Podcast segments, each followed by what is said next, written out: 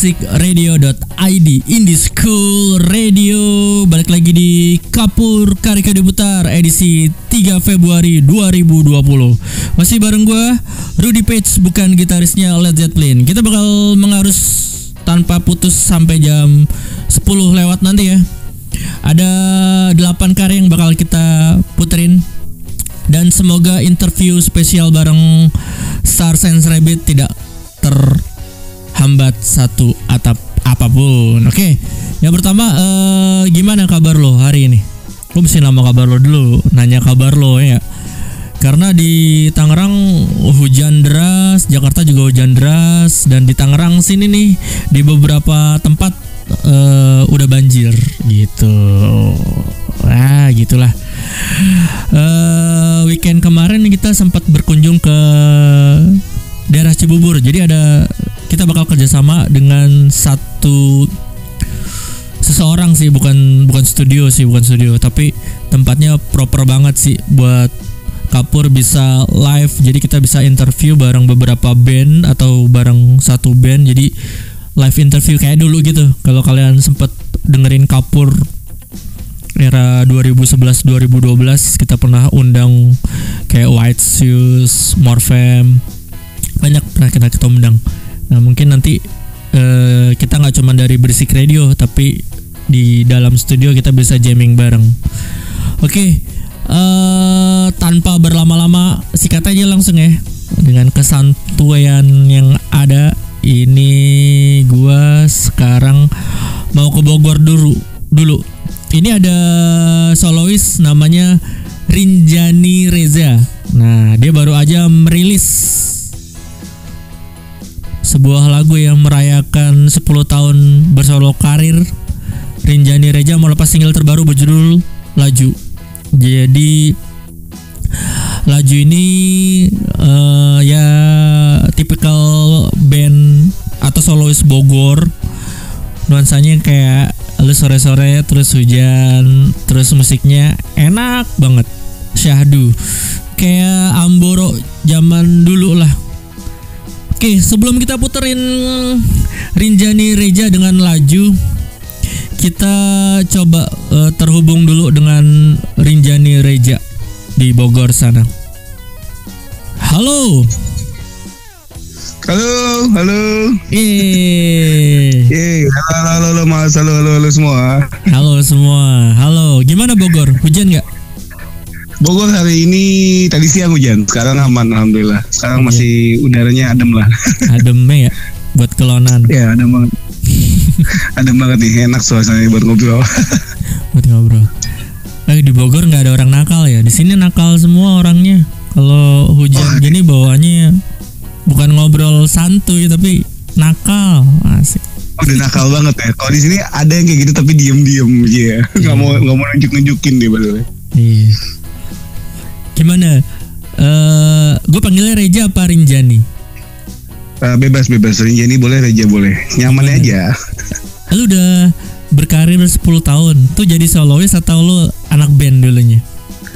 Uh, itu dari solois gue sih 10 tahun itu gue sebenarnya kalau dari anak bandnya sebenarnya jauh dari situ lagi gue sebelum 2000 eh, sebelum 2010 udah main musik cuman main akustikan ini gue baru 2010 gitu Oke, bisa lu ceritain tentang project lo ini, project solo lo ini?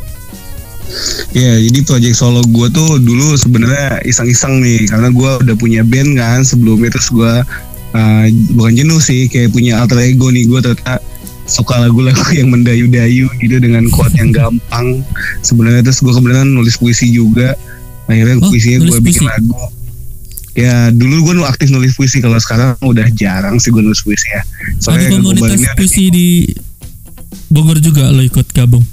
Oh enggak, gue justru nggak nggak ikut komunitas puisi sih, gue malah bikin nama sendiri aja. Gue sempat punya sajak tanpa suara namanya, jadi itu uh, kumpulan puisi gue yang udah gue bukuin atau dibikin uh, zin fotokopi lah, zin kayak gitu gitu.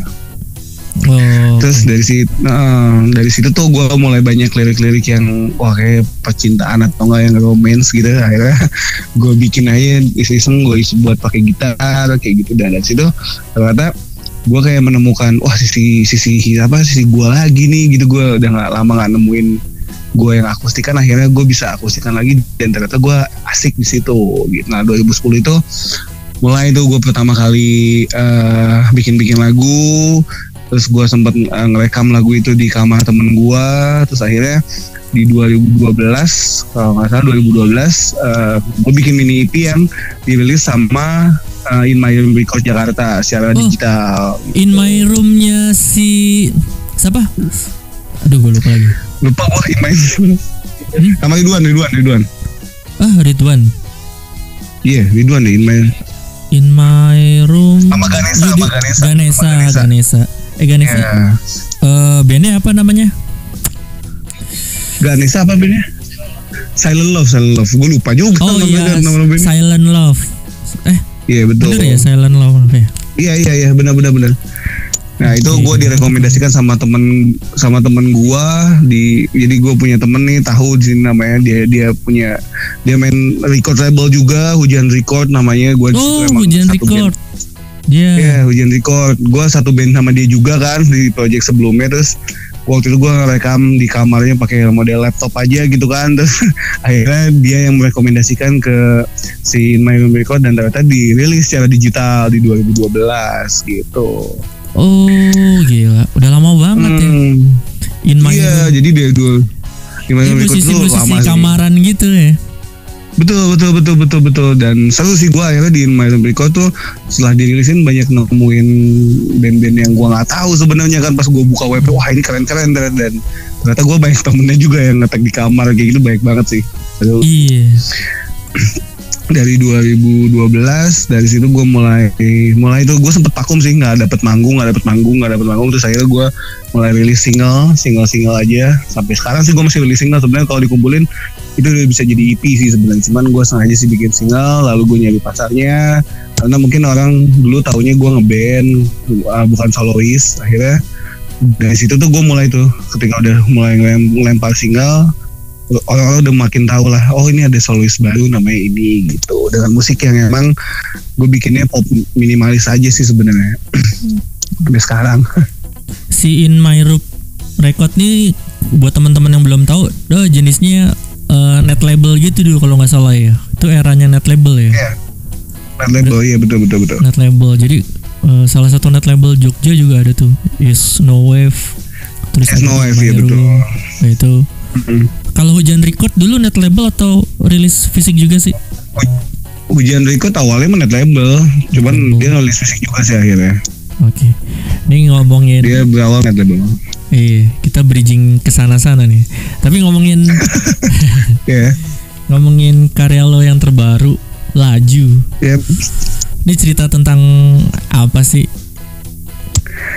Gue sebenarnya apa ya gue tuh di lagu itu tuh cuman gue tuh lupa gitu loh kalau ternyata gue nulis lirik itu tuh awalnya kan iseng ya gue cuman nyambung nyambungin dari puisi puisi gue puisi gue yang dipakai sama orang sebenarnya. Jadi oh awalnya malah nulis kata-kata itu tuh eh, kata-kata di lirik itu sebagai puisi atau quotes.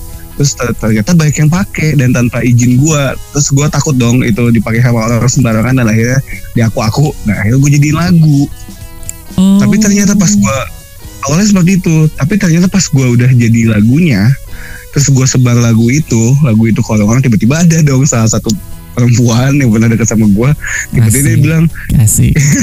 ini, iya bener ini lagunya mengisahkan kayak tentang kita. Ah tentang kita. Gue bilang yang, yang, yang mana nih? Dia bilang yang sore-sore kamu jemput abis hujan terus kita ke coffee shop katanya kayak gitu kan.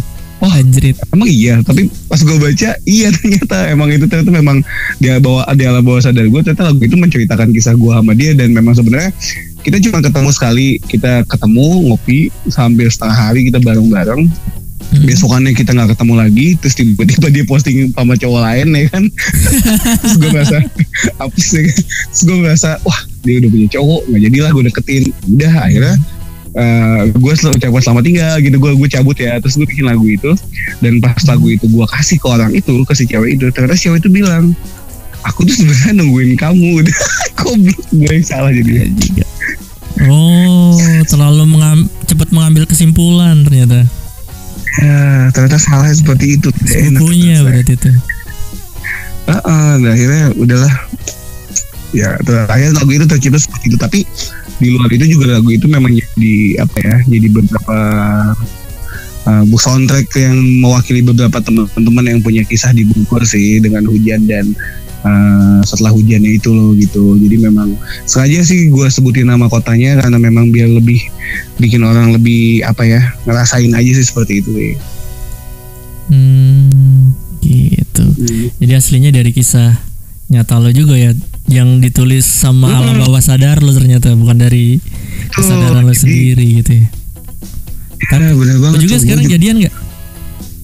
Enggak. Enggak. Serius, enggak, enggak, enggak. Gue tetap, gue tetap sendiri. Dia udah jalan. tetap sama lah. gitu. Cuman gitu. ya dia sih bilang dia terharu ya standar lah kayak gitu. Eh, dulu lu uh, ngomongin in my room record nih dulu lo reachingnya gimana mm -hmm. maksudnya lo bisa masuk ke in my room dari temen lo tadi si tahu mm -hmm. jadi sebenarnya gue kan udah atau Instagramnya bukan iya iya tahu 88 betul jadi gue emang uh, waktu itu nggak ngetek di rumah tahu di kamar tahu waktu itu dengan dengan laptop yang keterbatasan lah kita cuma ngetek ngetek gitu gitu doang. Hmm. terus akhirnya kita beres lagu itu dengan mixingan yang apa ala kadarnya sekali gitu benar-benar yang benar-benar apa ya minimalis dan se apa ada ya berarti hasil rekaman itu. Ya entah memang pertemanannya sama tahunya bagus gitu ke Inmayul sampai sampai akhirnya dari si pihak Inmayulnya oke okay, nggak apa-apa gue rilisin gitu Ah, Gani. Hmm. Jadi memang gue nggak tahu deh itu. Tapi gue sih sangat berterima kasih sih karena udah bisa nembusin ke In My Room gitu ketahu karena dengan sekarang ada di In My Room gue sedikitnya punya uh, biografi yang kalau ketika orang nanya emang lu udah punya ini udah di In My Room gitu maksudnya dan pas waktu rilis itu tuh di 2012 sampai ada teman Facebook yang gue nggak kenal siapa dia gitu tiba-tiba dia ngasih foto gitu yang iya dia ngasih foto uh, aku bikin CD albummu. Dia bilang gitu. Padahal gue nggak tahu itu siapa dan gue nggak pernah bikin itu jadi album fisik. Tapi dia bikin itu buat dia sendiri. Wah berarti kan emang bagus lah itu ada ada ada efeknya gitu. Gila. sampai segitunya ya. Iya makanya gue gua sebenarnya suka nggak suka nggak nyangka dengan apa yang sudah gue bikin gitu. Terus tiba-tiba ada orang aja yang mengapresiasi sebesar itu gitu. Gue kadang-kadang kaget. Ini kayak termasuk di interview sama Bisik Radio dan bisa masuk ke Bisik Radio juga Wih, luar biasa nih gue belum dapet nih email balasan kayak gitu. Oh. Oke okay banget buat gue sih. Lo dulu tahu berisik juga berarti zaman-zaman dulu. Apa, gimana gimana? Lo tahu berisik radio dari dulu apa baru-baru? Dari dari dulu gua gua gua udah tahu cuman emang gua sempat mau kirim waktu itu juga waktu itu berisik radio coba gua pengen kirim press dan lain sebagainya tapi memang belum kejadian gitu karena memang gua waktu itu masih belum yakin dengan materi lagunya dan akhirnya kayak lagu yang kemarin ah gue coba langsung coba kebanyak aja lah terus gue kebenaran gue lihat uh, The Basic Radio juga dan lain sebagainya gue kirim aja dan akhirnya direspon baik dengan Basic Radio tuh weh, itu gue kaget sih nggak nyangka gue asli asik serius Oke, okay, uh, eh, kita barusan dengerin perjuangannya Rinjani ya. Gila. Yes. Uh, jadi dari benar-benar dari musisi kamaran banget dan alat seadanya terus kemudian iya, dibantu yeah, sama temennya tahu yang kemudian mungkin linknya bagus ya. Jadi memang link yeah. circle hmm. tuh nentuin juga sih. Selain emang karyanya emang juga bagus sih. Hmm, thank you, musik you. gak cuman main musik doang ternyata menulis lirik juga penting ya berarti ya buat iya iya iya. Betul. Kalau buat gua itu sangat sangat penting dan itu sangat sangat jadi pasangan yang tidak bisa dipisahin sih kalau menurut gua. Oke, satu pertanyaan terakhir ada yang mau lo okay. sampaikan atau lo protes? yang mau gue protes uh, nggak ada sih saat ini gue lagi apatis nih. gue cuman pengen orang dengerin lagu gue sebaik-baik aja lah, senyaman-nyaman kupingnya gitu aja. buat yang ini abis ini gue puterin lagu lo buat yang yeah. lo bisa kasih pesan nggak impresi apa gitu buat temen yang mungkin abis ini dengerin lagu lo apa langsung bisa follow akun Instagram lo di @rinjani Reza ya Betul, boleh banget hmm. buat yang abis ini mungkin langsung suka sama lagunya gitu kan, boleh langsung follow saya di Instagram saya Rinjani Reza atau mau langsung ajakin saya main, boleh itu itu boleh hmm, banget tuh sebenarnya. Soalnya ini gue lagi pengen apa tuh? Lagi ya. lagi pengen apa aja? Gue lagi pengen bikin mini tour sebenarnya di Jabodetabek aja dulu. Cuman emang gue lagi kekurangan link buat saat ini. Jadi siapa tahu ada teman-teman berisik yang lagi ngedengerin nih terus dan biasa mengorganize acara gitu bisa ngajakin gue main di acaranya. Wow dengan senang hati boleh berkabar berkabar Oke, Gitu sih. oke, sip. Kalau ke Tangerang mampir ke Elang Terbang Kolektif nanti kita datang. boleh nah Iya. kebetulan gue juga sama teman-teman lantar bang Bayu gitu gue kenal juga Oh iya, halo. Ada Bayu. gue pernah tur ke Tangerang waktu itu jadi Oh iya, emang Bayu. nanti kita bisa sekalian Hmm. Hmm, kalau di Bekasi ada teman-teman kedubes. Nanti Iya, kalau mau butuh ini. kontak, ini aja nanti chatting kita aja. Siap, pasti pasti pasti pasti boleh banget ini dengan senang hati sih ini Oke, ini ada laju dari Rinjani Reja. Kalian masih di Kapur, Kade Kebutar, Berisik Radio, Indie School Radio.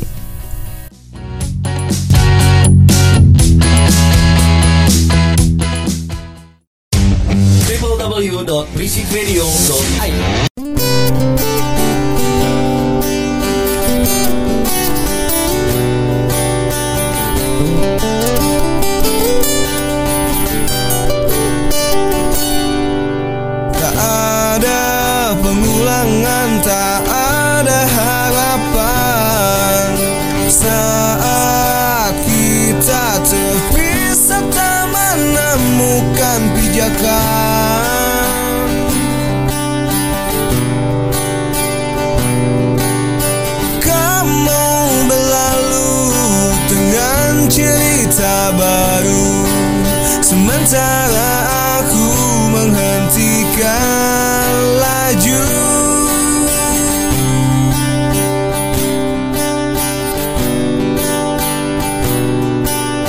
Meski hujan bukan satu-satunya alasan Tapi percayalah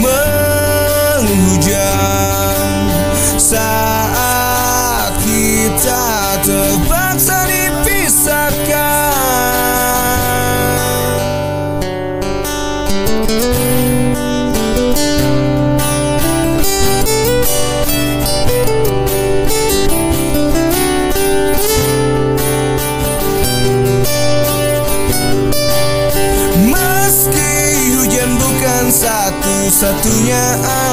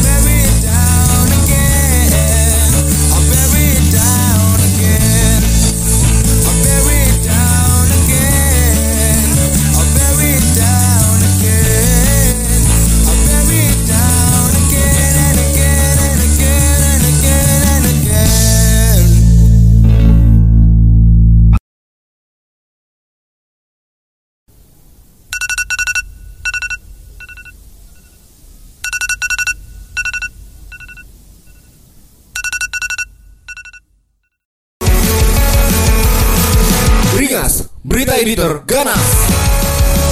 Kabar terbaru skena musik di minggu ini.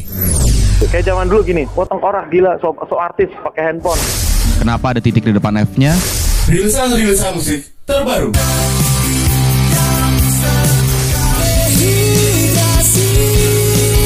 Penuh dengan ratusan pesan WhatsApp menggebu. Beringat, Berita Editor Ganas. Hanya di Music Radio Indie School Radio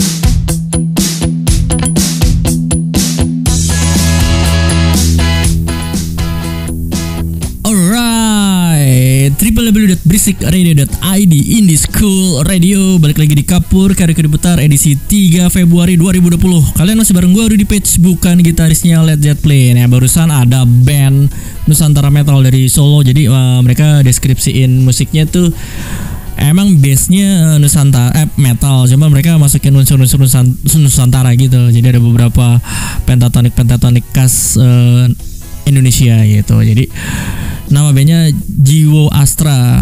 Mereka berdiri dari 2017.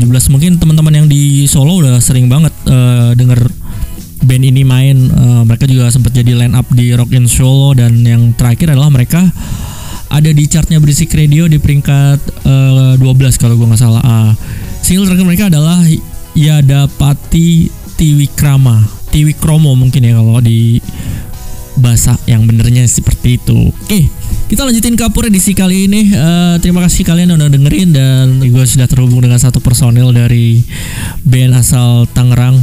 Gue pikir mereka dari Bekasi, ternyata mereka dari Tangerang. Ini ada band rock instrumental bernama Primata dan gue sekarang sudah bersama atau terhubung dengan Rama. Yes, yes. Yeay, gila. Gimana Ram kabar lo hari ini? Sibuk ya? Ya, seperti hari-hari biasanya sih. Gitu-gitu aja.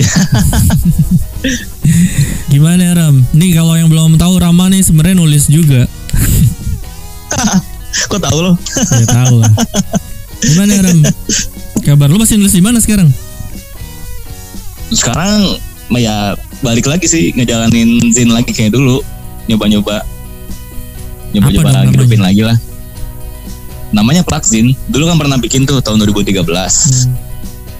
Versi cetak dulu itu. Terus cuman cuman jalan 4 edisi dalam 4 bulan habis itu berhenti ya kan karena nggak ada duit lagi lah. Klasik lah. Eh, Nah, bikin sekarang sekarang bikin yang ini sekarang lo? online Sekarang aja. digital, Hah? online ya?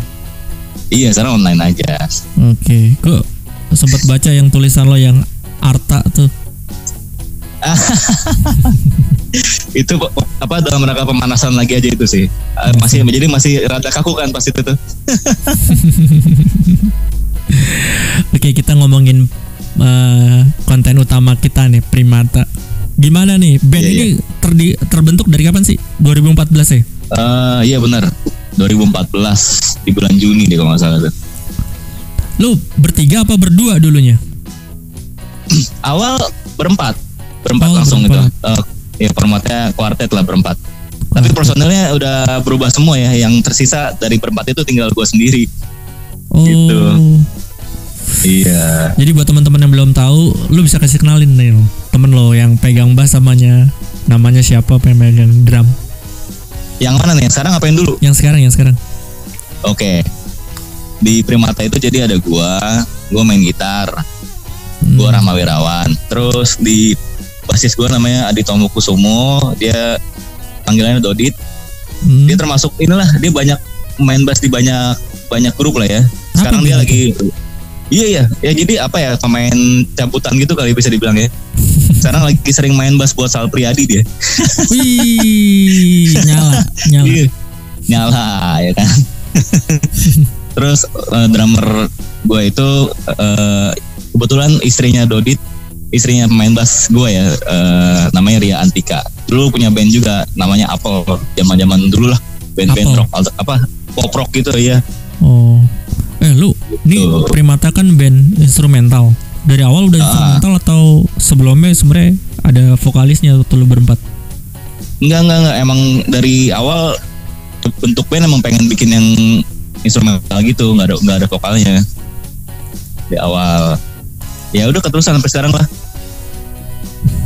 Eh, kalau bawain musik instrumental gini pas dengerin ke temen-temen lo rada berat gak sih? Maksudnya dengerin ke misalkan temen kerja lo atau ke pasangan lo agak berat gak sih? Gue Nah kadang ini, ini mikirin pertanyaannya gitu. ini, ini pertanyaannya unik nih. Ini belum pernah nih gue ditanya gini nih. Iya emang sih banyak yang kayak eh, jadi kayak kalau istri gue sih udah tau lah gue main musik kayak gini dari awal. Tapi kayak misalnya mertua gue gitu ya pas denger ini instrumen aja ya katanya. jadi ya kayak gitu-gitu. Atau ada juga sih teman-teman kantor yang mana vokalnya nih ah gitu-gitu. Cuman ya udahlah, gue jadi harus jelasin ya bahwa ini band emang konsepnya emang instrumental gitu. Ram, Ya kayak gitu. Ini buat teman-teman yang baru tahu Primata atau gue juga sebenarnya udah tahu lama sih, cuman ada lagu barunya gue baru tahu nih dari email nih. ada video musik dari sebelum terlalu mati dan ini yang Iya. bikin videonya lu juga ya. Iya, eh, gue gue yang gue yang nulis ceritanya dan gue yang mensutradarai. Tapi videografernya bukan gue sih. Ada Oke. teman-teman kita sih. Ram bisa diceritain buat teman-teman yang belum nonton videonya mungkin lo bisa habis ini gitu habis acara ini lo bisa buka YouTube terus searching Primata sebelum terlalu mati. Di situ ada Iya. banyak adegan yang eh, adegan kemanusiaan ya terutama ya Ram asik asik jadi ada Iya. mesti gimana sih ceritanya gimana sih jadi eh ini eh, gini ya kalau jadi kalau gue tuh memang kalau bikin lagu tuh eh, metodenya tuh selalu gini jadi gue membayang eh, membayangkan adegan dulu sih di kepala gue gitu. Biasanya ya konsepnya gitu apa metodenya? Jadi ada adegan ada suatu adegan itu dia gue akan selalu gue bayangin terus di kepala nih gitu kan. Sambil gue jalan sambil gue motoran Sambil gua tit- mobilan. Iya, nah nanti nanti dengan sendirinya akan muncul tuh, akan muncul kayak eh, eh, apa sih soundtrack soundtrack gitu loh di kepala gua. Ini Hmm. adegan begini nih, enaknya begini nih, iramanya begini, na- nadanya begini. Nah itu, nah itulah yang akhir makanya muncul. eh, kalau lo denger denger lagunya, itu part, per- pertama itu itu seperti orang lagi jalan kan, iya tek tek tek segitu temponya gitu. gue denger Ram jangan kalau lo denger lagunya gue denger Ram Gimana gimana? iya gue denger lagu lo maksudnya buat teman-teman kalau nanti denger lagunya gitu Iya iya iya. ada adegan jalan gitu terus Iya, iya jadi gitu. Yang kebayang tuh pertama jalan terus eh, lari gitu ya. Itu itu itu itu yang kebayang di kepala gua. Tapi terus masalahnya terus kan eh, ceritanya apa nih gitu kan? ya Akhirnya gua kan mencari lagi dong. Eh, oh sekarang nih yang apa sih yang yang lo temui di jalanan gitu kan? Hmm, Yang paling dekat sama lo apa sih di jalanan yang yang bisa lo rasain gitu? Ya udara gitu kan. Ketika lo lo lo, lo jalan Ya, eh, Rama lagi seru-serunya menceritakan tentang video klip terbaru Primata ya. Primata emang band instrumental rock, progressive rock. Jadi dia juga terinspirasi dari Iron Maiden, sound kerasnya, terus ada beberapa bagian manis. Ternyata si Rama memang ya sama kayak kebanyakan orang yang gede di era 2000 awal atau 90-an akhir. Itu ada Sheila on Seven-nya kata si Rama sih gitu. Eh Rama bakal lanjutin ceritanya tentang bandnya gimana Ram? Iya. Tadi sampai mana ya? sampai deadline lo yang banyak oke Ram eh, jadi kan eh, visualisasi dari lagu lo yang sebelum terlalu mati kan ada di videonya tadi kita lagi bahas itu. Ram. Iya, jadi setelah dari apa metode bikin gua apa metode gua bikin lagu itu kan itu tadi kan dari ngebayangin adegan terus baru muncul mun- muncul musiknya kan di kepala gua kan. Hmm. Ya itu tadi adegannya ter- ternyata kan adegan orang jalan dan terus ada orang lari gitu kan yang ada di kepala gua. Hmm. Nah, akhirnya apa sih yang paling dekat sama jalan ya jalanan gitu kan berarti jalanan terus yang yang yang kita rasain apa sih setiap hari udara gitu kan ketika kita jalan Ah, jadi di bayangan gue tuh ya udah langsung kebayang aja kalau ketika kita jalan terus kita lari apa yang terjadi? Kalau misalnya udaranya ini seburuk ini. Gue kan juga maksudnya gue suka suka olahraga lari ya. Ya. gitu. Suka gue suka lari malam gitu. Tapi kok makin makin ke sini tuh makin nggak enak gitu udara kalau buat lari malam. Kalau dulu dulu dulu tuh masih lumayan enak lah. Sekarang lari malam tuh rasanya tuh lebih sesak gitu. Nah, nah itu sih dari situ sih eh, ide bikin video apa cerita ini dari ya dari dari situ sih Jadi gue tadi cerita sama teman-teman bahwasanya visual dari video klipnya Primata sebelum terlalu mati itu jadi semua orang pakai masker gitu terus udaranya jadi buruk buruk Iya, iya. banget mungkin jadi manusia akhirnya bukan berperang sama alam ya Ram, Hmm. tapi eh, manusia justru berperan penting dalam rusaknya alam ini kalau gue iya lihat benar benar Iya, kalau gue lihat, gue jadi inget kejadian tahun kemarin tuh di teman-teman di Pekanbaru. Hmm, Ada beberapa iya konser benar-benar. yang ga- gagal juga. Mereka malah kalau di Jambi sampai merah gitu. Iya. Gila. It- itu Iya lebih gitu. sadis juga tuh menurut gue. Iya jadi emang eh apa? Kalau balik ke situ ya, emang kita konsep band ini nih pakai nama primata emang sebenarnya seba- sebagai sindiran juga sih. Sebagai sindiran ke orang-orang gitu bahwa kita kan ngerasa sebagai makhluk yang paling mulia tuh katanya kan. Ya kan? Tapi kenapa lo malah ini gitu? Kenapa kita malah kayak nggak pakai akal kita gitu kan? Hmm. jadi maksud gua dengan kita eh, kalau gua sama teman-teman di band percaya bahwa ya kita memang primata gitu sebenarnya dengan dengan kita mengakui hal itu gitu kan ya kita kita nggak kita tetap berada di kerajaan apa di animal kingdom kok gitu kan Hmm. nah kita akan lebih bisa menghargai lingkungan sih maksud gua gitu Di- Oke. dibanding lo ngerasa lo makhluk yang paling mulia lo yang berkuasa di bumi tapi Oh. yang lo lakukan apa lo malah merusak malah merusak semuanya gitu kan lo nggak Iya. bersahabat gitu dengan lingkungan ini gitu sih Hmm, itu ternyata. Jadi Situ manusia sih digambarin jadi pramanusia sebenarnya. iya Jadi Hah, apa, apa pramanusia. apa tuh Pramanusia. Jadi sebelum sebelum manusia jadi sebelum oh manusia. iya iya iya iya benar benar benar benar iya iya iya iya gitu jadi manusia jadi subjek iya harusnya. Kepunahan ya menjelang kepunahan manusia tentang kemungkinan kepunahan manusia pada tahun 2030 2030 iya. Jadi itu kan itu sebenarnya gue bukan nggak ngarang-ngarang sendiri juga. Jadi eh, itu eh, apa namanya per- prediksi itu udah udah dinyatakan sama ini sama komite penghapusan apa komite penghapusan bensin bertimbal. Itu tahun lalu sih di Jakarta. Mereka menyatakan bahwa tahun 2030 tuh pencemaran udara tuh akan naik sampai tiga kali lipat gitu. Kalau kita nggak iya. Kalau Iya, kalau kita sama berubah. tahunnya 2030 Indonesia bubar? Lu jangan Nggak politis tahu ya. lah. Enggak dong.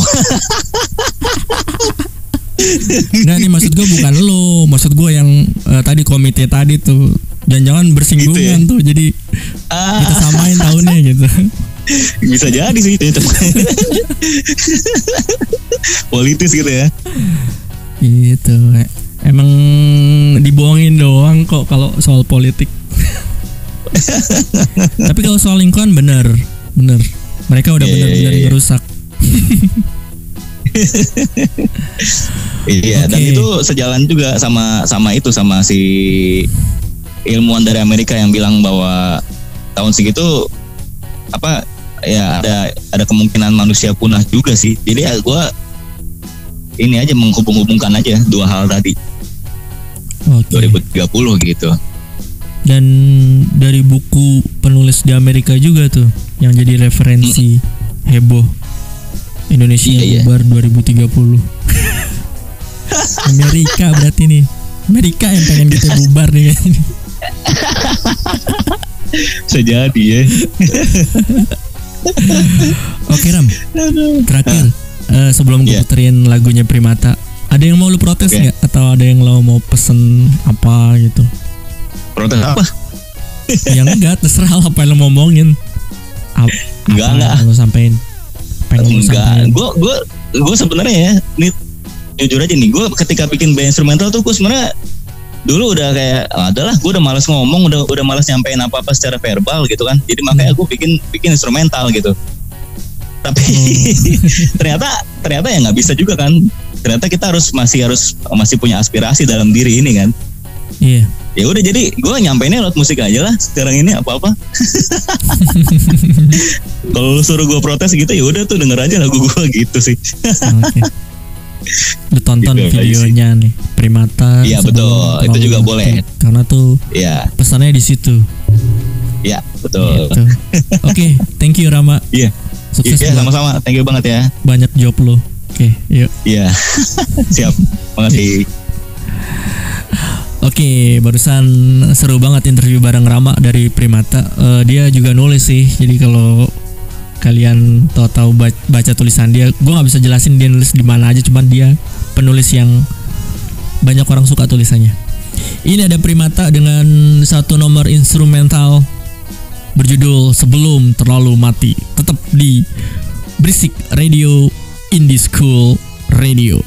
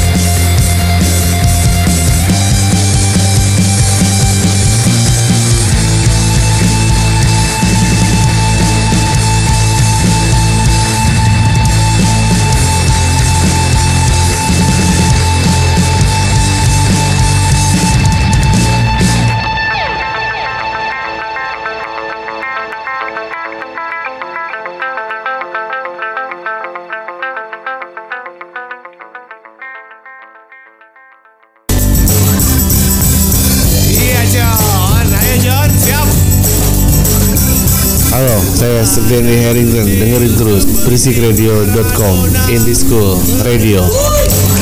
Johnny Iya John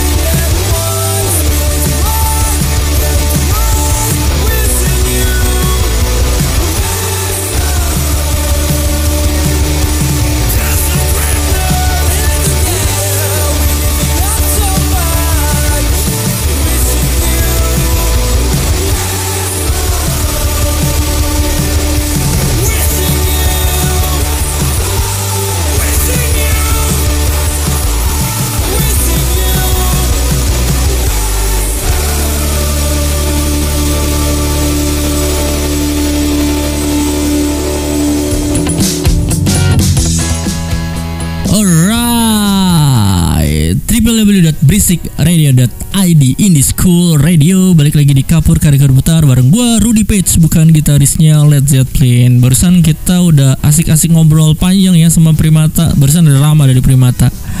Dan itu lagunya instrumental.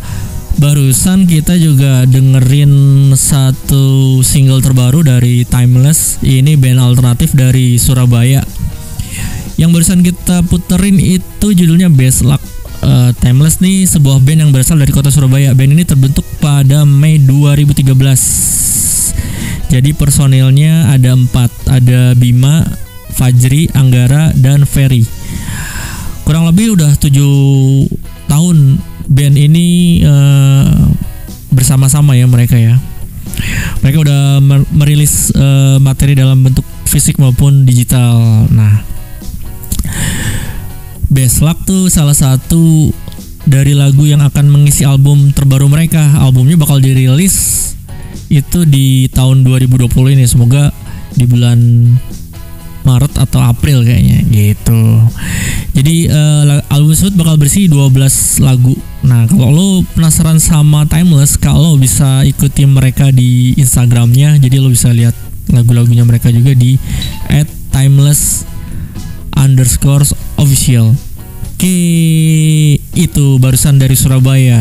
Habis dari Surabaya, sekarang kita pindah kota lagi nih kawan-kawan. Ini ada dari Jawa Timur juga masih. Ini ada dari Malang. Ada band progressive rock dari kota Malang, Selin Parker. Dan gua udah terhubung dengan salah satu personilnya. Kita interview bareng aja. Oke. Halo. Halo Selin Parker. Halo. Halo, halo, halo. Iya. Ya, ya. Gimana? Gimana kabar Malang? Hujan nggak? Wah, lagi hujan, sering banget hujan. Oke. Kalau boleh tahu, gue terhubung sama siapa nih? Hmm, oh ya, gue Dwiki, eh, itu gitarisnya Selin Parker. Selin Parker nih personilnya ada berapa? Bisa dikenalin nggak? Teman-teman lo? personelnya itu eh, sekarang ada lima. Itu pertama ada Abo. Abo itu gitaris sekaligus vokalnya. Hmm. Terus ada saya saya gua sendiri, eh, Dwiki gitarisnya. Terus ada di bassnya ada Hasan. Terus ada keyboardisnya Rifki sama drummernya Icang. Tuh. Oke. Eh band lo ini udah berapa lama nih? Terus awal kebentuknya tuh karena lo temen tongkrongan atau lo gimana? Oh ya. Awal kebentuknya itu 2016.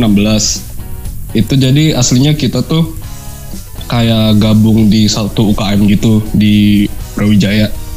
Kayak UKM bandnya gitu. Kampus. Nah, di ya kampus UKM musik itu. Nah dari situ kita kayak mulai ngebandnya gitu sih. Nah itu eh, personelnya udah beda sih sama yang sekarang. Jadi eh, yang dulu-dulu tuh udah keluar semua. Sekarang udah baru-baru lagi sih personelnya. Oke, ternyata susah juga ya jaga komitmen sama Iya. band ya, apalagi jaga Apalagi komitmen sama dengan cewek ya. ma- ya mahasiswa juga kan yang di mana apa harus pendidikan apa kuliah apa pengen ngeband aja ya mungkin yang sisa-sisa sekarang sih ya yang pengen ngeband aja gitu mungkin ya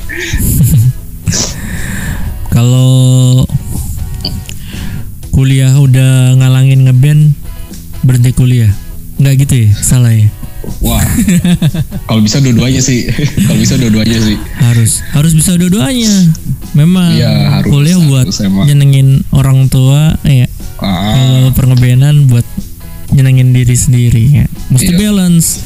Eh ngomong-ngomong, eh lu progressive rocknya kayak gimana sih si Celine Parker ini? Eh, sebenarnya progressive rock kan cuman biar lebih gampang aja ya biar orang-orang kayak ini genrenya apa sih ya progresif aja lah Eh, kalau aslinya sih eh, kalau dari gue sendiri yang ngerasanya kayak progresif metal gitu sih soalnya kita bagian kan ada bagian di lagu kita ada yang bagian keras-kerasnya itu kebanyakan ya bagian metal gitu jadi kayak gitu sih progresifnya Oh kayak gitu. Kalau eh, berarti kalian nih eh, satu rasi ini lagu tentang apa sih? Eh, ya saturasi itu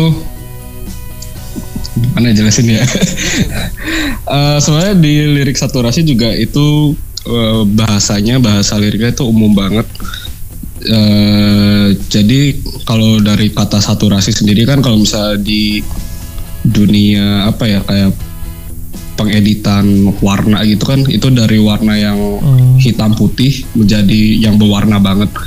Nah, kalau dari segi liriknya itu eh, itu eh, liriknya tuh dari yang kata-katanya menerima sampai di ujung lagunya tuh ntar menjadi menolak. Itu jadi di situ kayak apa ya penggambaran eh, proses perubahan gitu sih. Nah, untuk dari inti lagunya sendiri sebenarnya ya beda-beda sih soalnya tiap personel juga nangkapnya beda-beda sih soalnya katanya umum banget general gitu sih. Gitu kalau bersaturasi Kalau gambarin cerita di lagunya itu cerita kisahnya tentang apa tuh? eh tentang apa ya? Ya mungkin bisa diibaratkan kayak kayak ya mungkin hmm, topik gampangnya cewek lah. Soalnya di situ kan kalau di lirik kan kayak awalnya kayak membantu menerima gitu terus lama-lama mungkin ceweknya jadi malah nyusahin apa gimana terus di akhirnya eh, di akhir lagunya ceweknya mungkin jadi lebih udah ngalangin banget gitu terus akhirnya kita menolak gitu itu topik umumnya sih nah sedangkan liriknya ini bisa dipakai buat permasalah masalah apa pun gitu Mhm. jadi bahasanya universal banget sih Ha. Itu sih kalau ditanya ceritanya bingung juga sih biarin ke pendengarnya aja dah mau ngertiin gimana gitu Oke, kalau lu dulu eh besar di era musik apa sih waktu SMA orang lu dengerin? Wah, gimana ya? Eh, gua kan sebelum kuliah ya kan di Bogor kan. Hmm. ya di situ ya mulai dengerin ini sih kayak kalau dari gue sendiri gue dengernya yang kayak post hardcore gitu sih. Ya emo emo lah. Kayak gitu. Oke. Kalau dari SMA tuh masih belum paham sih kayak skena musik tuh kayak musik tuh kayak gimana lingkungannya segala macam nah baru pas kuliah ini baru kayak belajar banget sih. Kayak oh musik tuh kayak gini susahnya segala macam kayak gini era-eranya kayak gini. Jadi kalau dulu pas SMA tuh ya ya udah kayak buta banget cuman kalau dibilang dengerin apa ya itu sih paling kayak emo emo gitu sih Oke. Hmm, Berarti ngikutin dong MCR mau reuni Ya. lagi reuni. ya wah itu gila sih balik lagi akhirnya MCR XX. Hmm, Udah nungguin lo eh, videonya berarti ya? iya nungguin sabar sih MCR Oke kita puterin lagu lagu lo Celine Parker eh, satu rasi. Ini eh, sempat masuk di Berisik Chart of the Week. Oke eh, kita puterin satu lagu dari Celine Parker ini judulnya sat satu rasi. Ini judul satu rasi. Oke tetap di Berisik Radio Indie School Radio. www.berisikradio.id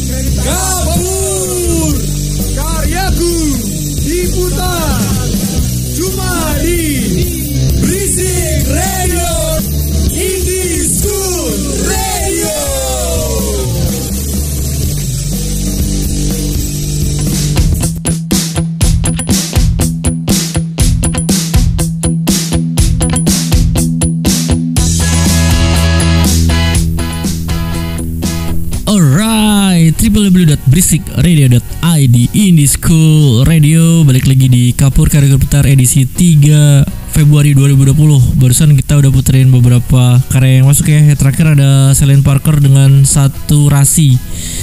Itu band dari Surabaya. Eh band progressive rock dari Kota Malang. Oke eh, banyak banget band yang kirim karya. Sekarang rilisan rilisan-rilisan musik gampang banget diakses di digital digital streaming platform digital gitu ya. Termasuk di kayak di Spotify atau di YouTube. Sekarang YouTube juga punya fitur YouTube musik udah. YouTube musik udah sampai Indonesia lah. Kalau kali ini gue bakal berbincang dengan satu band dari Bandung namanya Iku Baru gue udah tersambung dengan salah satu personilnya namanya Iqbal. Cuman eh, sebelum kita berbincang dengan Iqbal eh kita pengen tanya juga nanti ke Iqbal gimana caranya Iku Baru ceritanya bisa sampai main di Jepang beberapa kali itu juga kita mesti tahu tuh gimana cara re- reaching nge-reaching orang-orang yang di luar jangkauan. Maksudnya orang-orang di luar negeri gitu ya oke kita sambungkan dengan Iqbal halo Iqbal Halo, Iya, gimana kabar Bal? baik baik. Alhamdulillah ya puji Tuhan. Nah, Gimana band lo nih rilis lagi nih? ya itulah deg-degan. deg-degan gitu. Ini rilisan keberapa nih? I, lo IP lo ada tiga apa berapa sih Iku baru? Kalau Itu ada dua.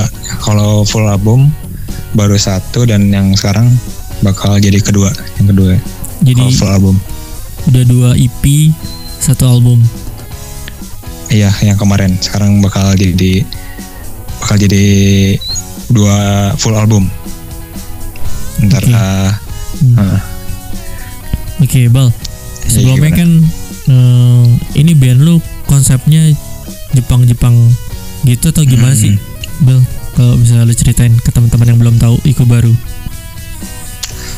Eh, ya sebenarnya gue nggak emang dari awal bikin tuh nggak nggak concern buat bikin pengen bikin band Jepang Jepang cuman karena kebenaran influence kita yang terbesar itu emang solois Jepang namanya Tatsuro Yamashita dan gue nggak sengaja bikin eh, nggak sengaja senang dan nyobain pengen bikin kayak doi Hmm?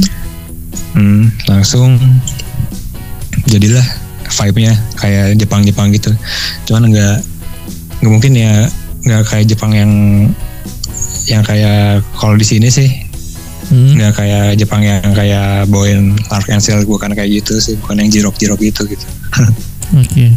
Nah, Banyak band emo Jepang lu dengerin juga. kagak sih.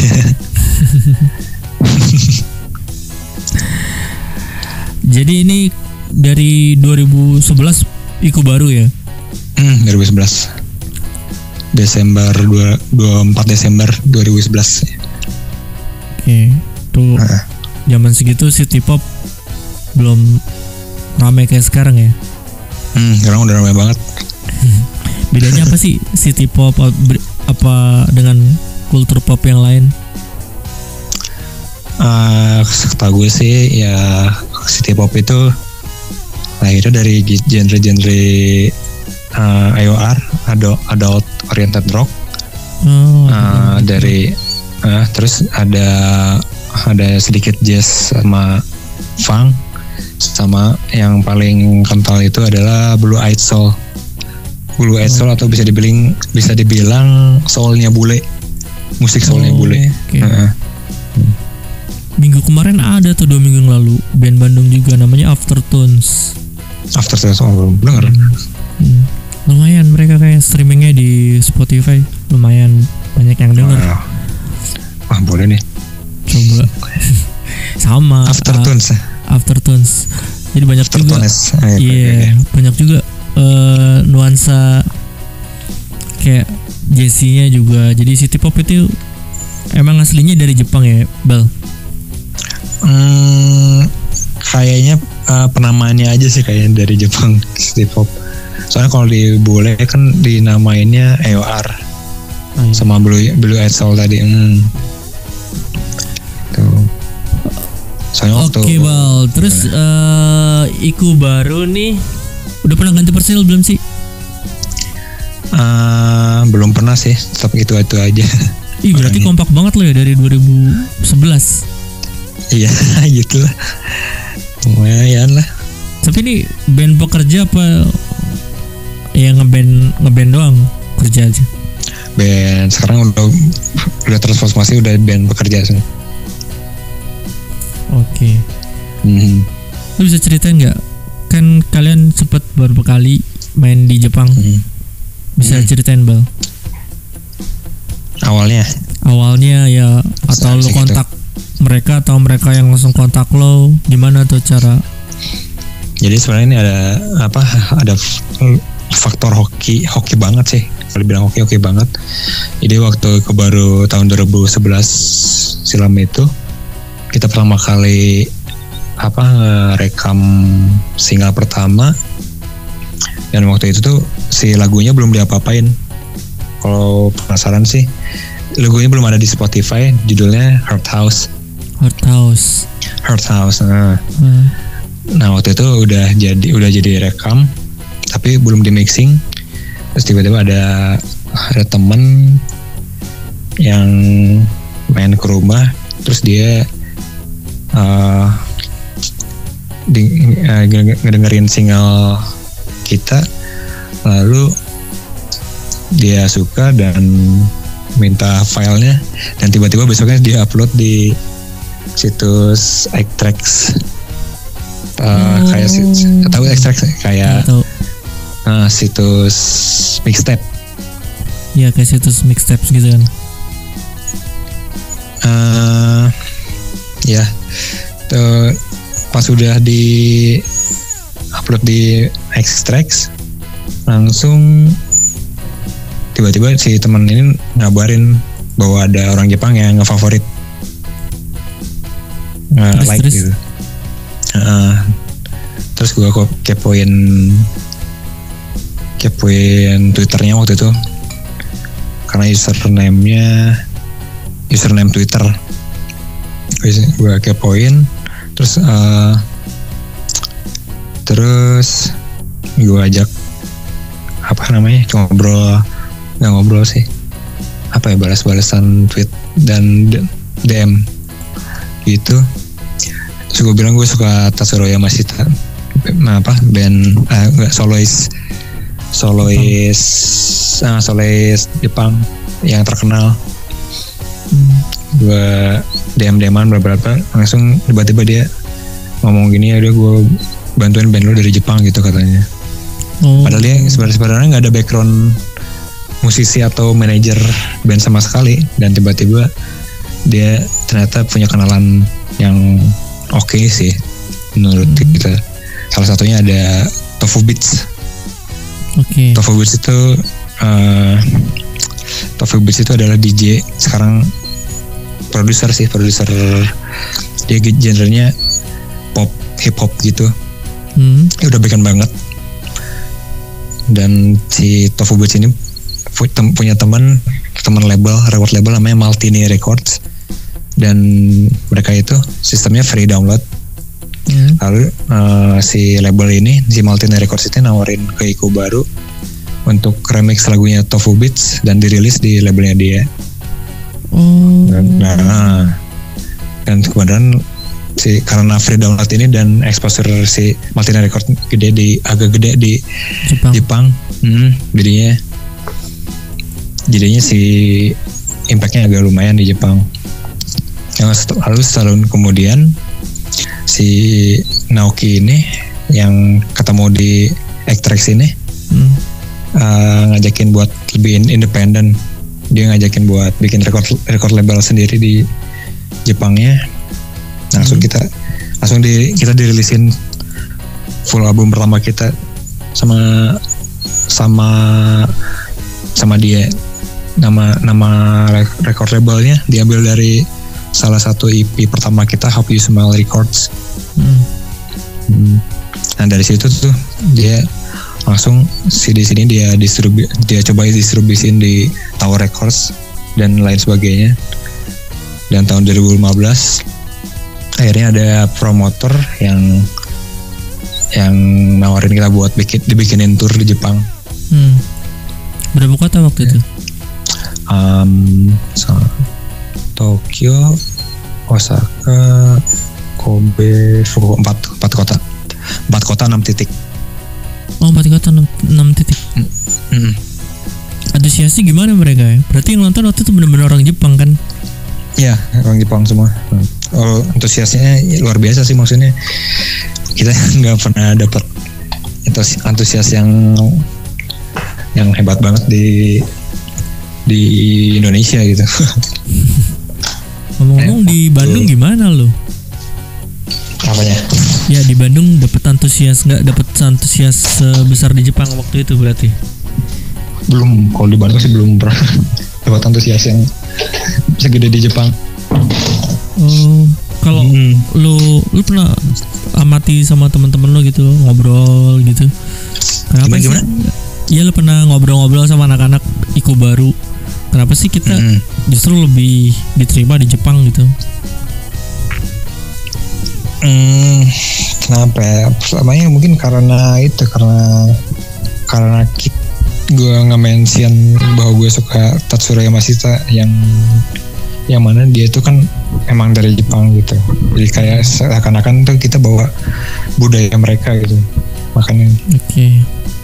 Hmm, makanya mak- lebih keterima di Jepang. Dan saat itu juga kebet kebetulan si momennya lagi pas si genre city pop lagi Naik. lagi kencang, hmm, lagi naik.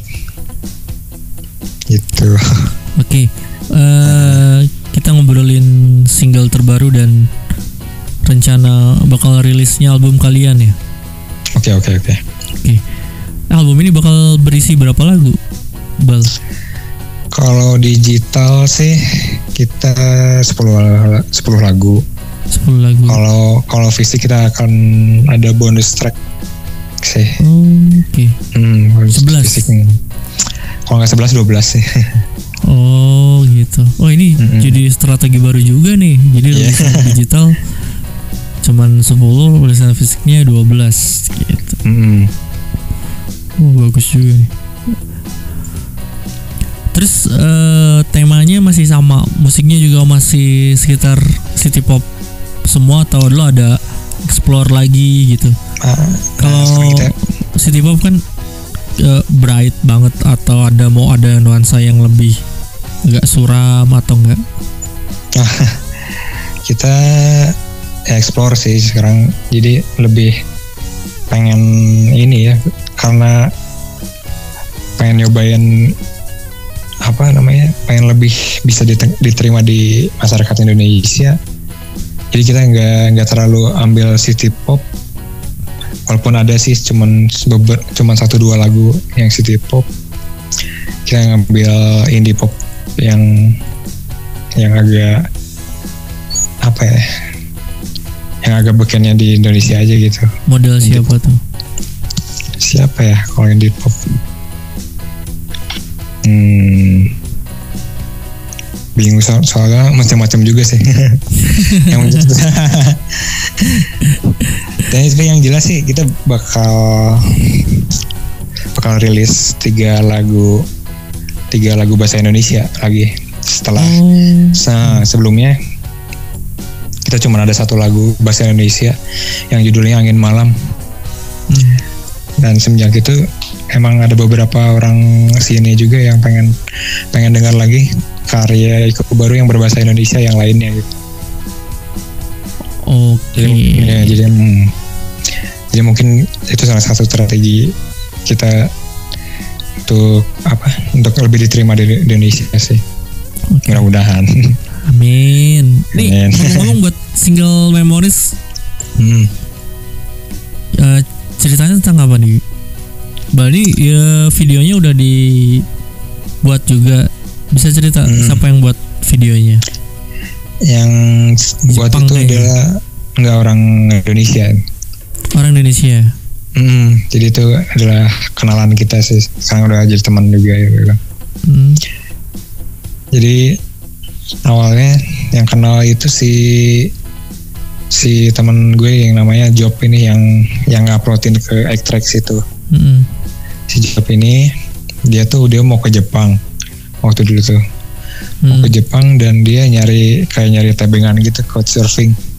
Hmm. Hmm, dan ketemu si si Ariel ini yang bikin video. Nah dari situ langsung kenal kenal nonton Iku baru saat saat main di Jepang sing hingga ini hingga pengen bikinin video klip katanya gitu. Oke. Hmm.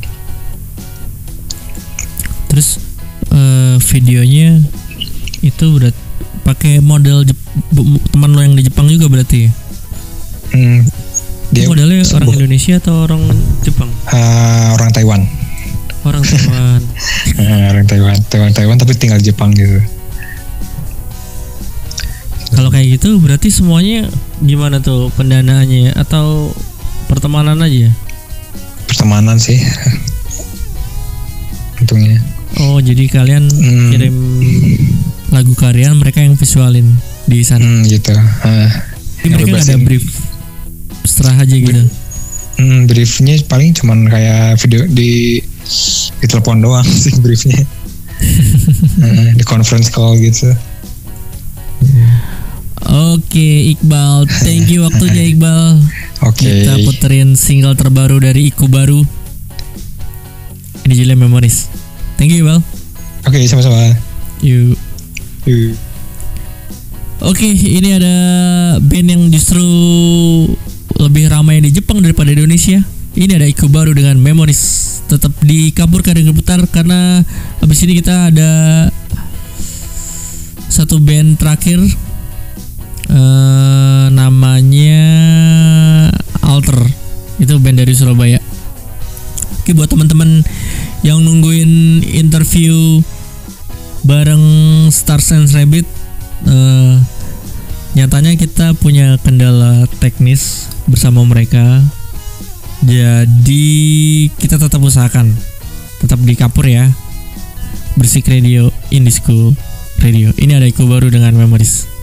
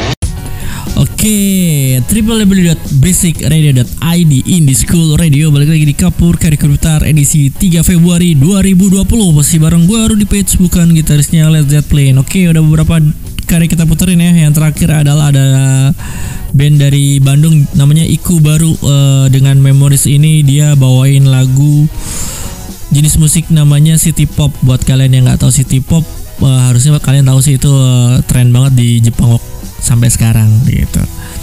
Oke, eh, kita tinggalin Bandung. Sekarang kita ke band namanya Alter. Ini band da- dari Surabaya. Oke, dan sekarang kita udah terhubung dengan salah satu personilnya yang baru pulang kuliah. Ini namanya ada Haidar. Jadi mereka dua dua grup gitu. Maksudnya eh, mereka adalah dua asal kota Surabaya. Oke, kita tanya-tanya bareng Haidar. Oke. Halo, halo, halo. Halo Haidar, gimana kampus hari ini? Ya, melelahkan. Mulai mikirin tesis. Lu ngambil S2 nih berarti nih. Iya, S2, S2. S2. Di kampus mana? Unair atau di mana? Di ITS. ITS. Oke. ITS. Berarti balik gawe langsung ngampus. Betul.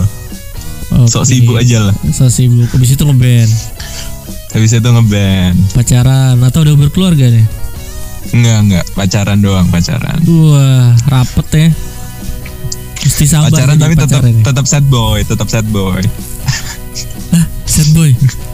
Sad boy lah. Konten alter kan harus sad boy. Ya iya. Ini kebentuk dari 2018 alter uh, lo, Haidar sama Doli. Iya, aku sama Doli Haidar sama Doli doang. Haidar sama Jadi cuman Doli. berdua. Heeh. Jadi konsep awalnya alter itu cuman gitar, bass sama sequencer. Hmm, sekarang gimana? Sekarang Sequencer full sama band. gitar. Sek- Sekarang full band, ada ada additional drum satu sama gitar satu. Soalnya kita sadar main kita jelek banget, jadi harus ngajak orang yang jago banget buat buat moles moles kita lah biar kelihatan bagus. Jadi lu nyanyi di sini atau Doli yang nyanyi? Eh, ganti-gantian.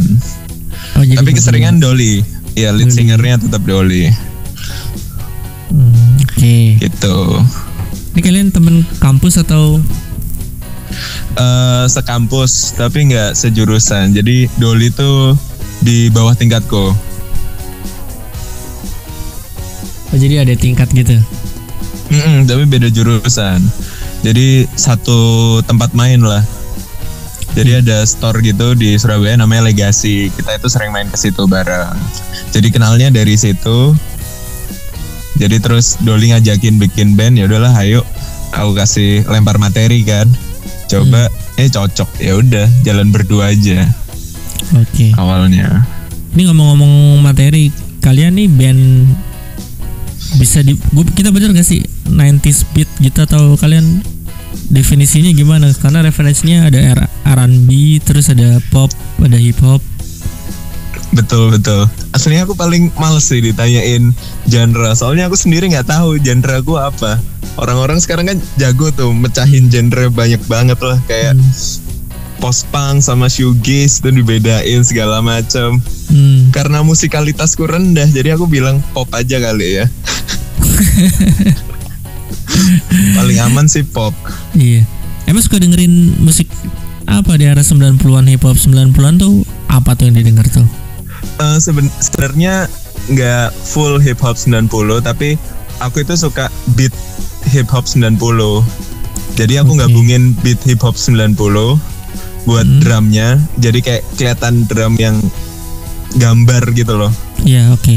Iya drum yang gambar. Terus aku itu suka ya chord chord mellow gitu yang minor minor lah. Oh, jadi oke oke. ya perpaduan antara dua itu aslinya aku keseringan dengerin sih Frank Ocean jadi Frank Ocean. Frank Ocean ya jadi kebanyakan aku ngambil nada-nadanya itu terinspirasinya kebanyakan dari Frank Ocean Frank Ocean Brockhampton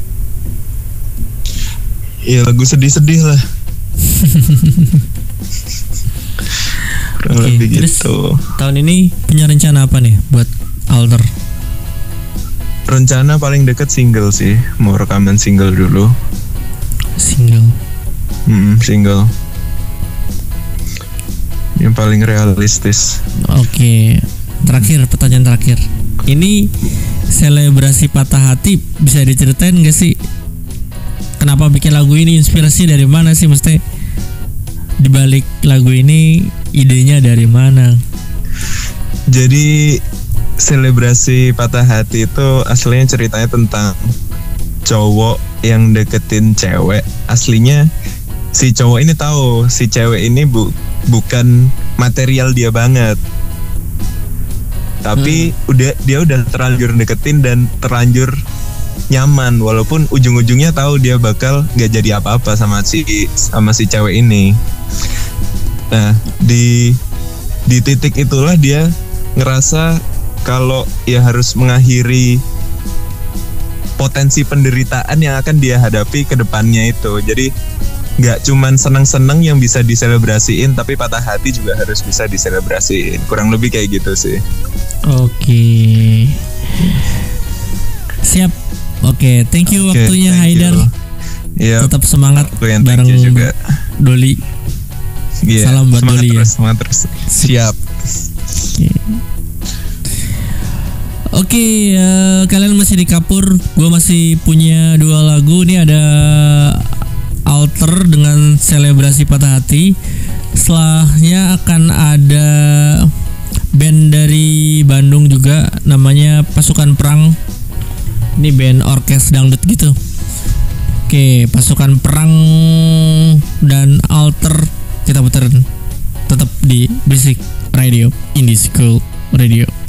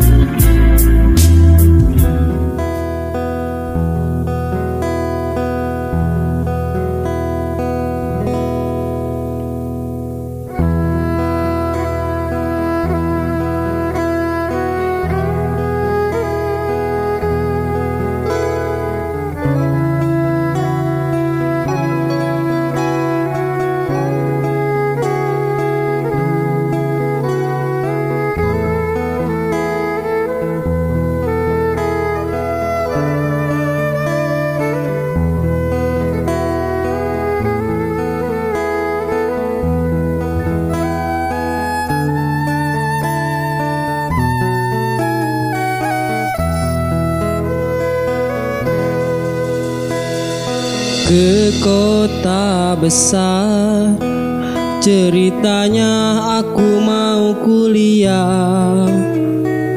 Tetapi itu sulit. Tak semudah waktu aku di SD Jadi mahasiswa Rutinitas tiap malam begadang. Mentari mulai terang. Diri ini jadi malas kuliah Aku gak peduli.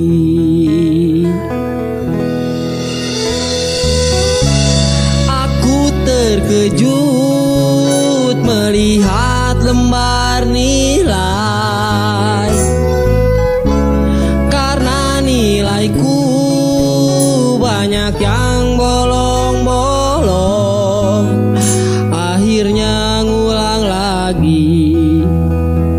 bersama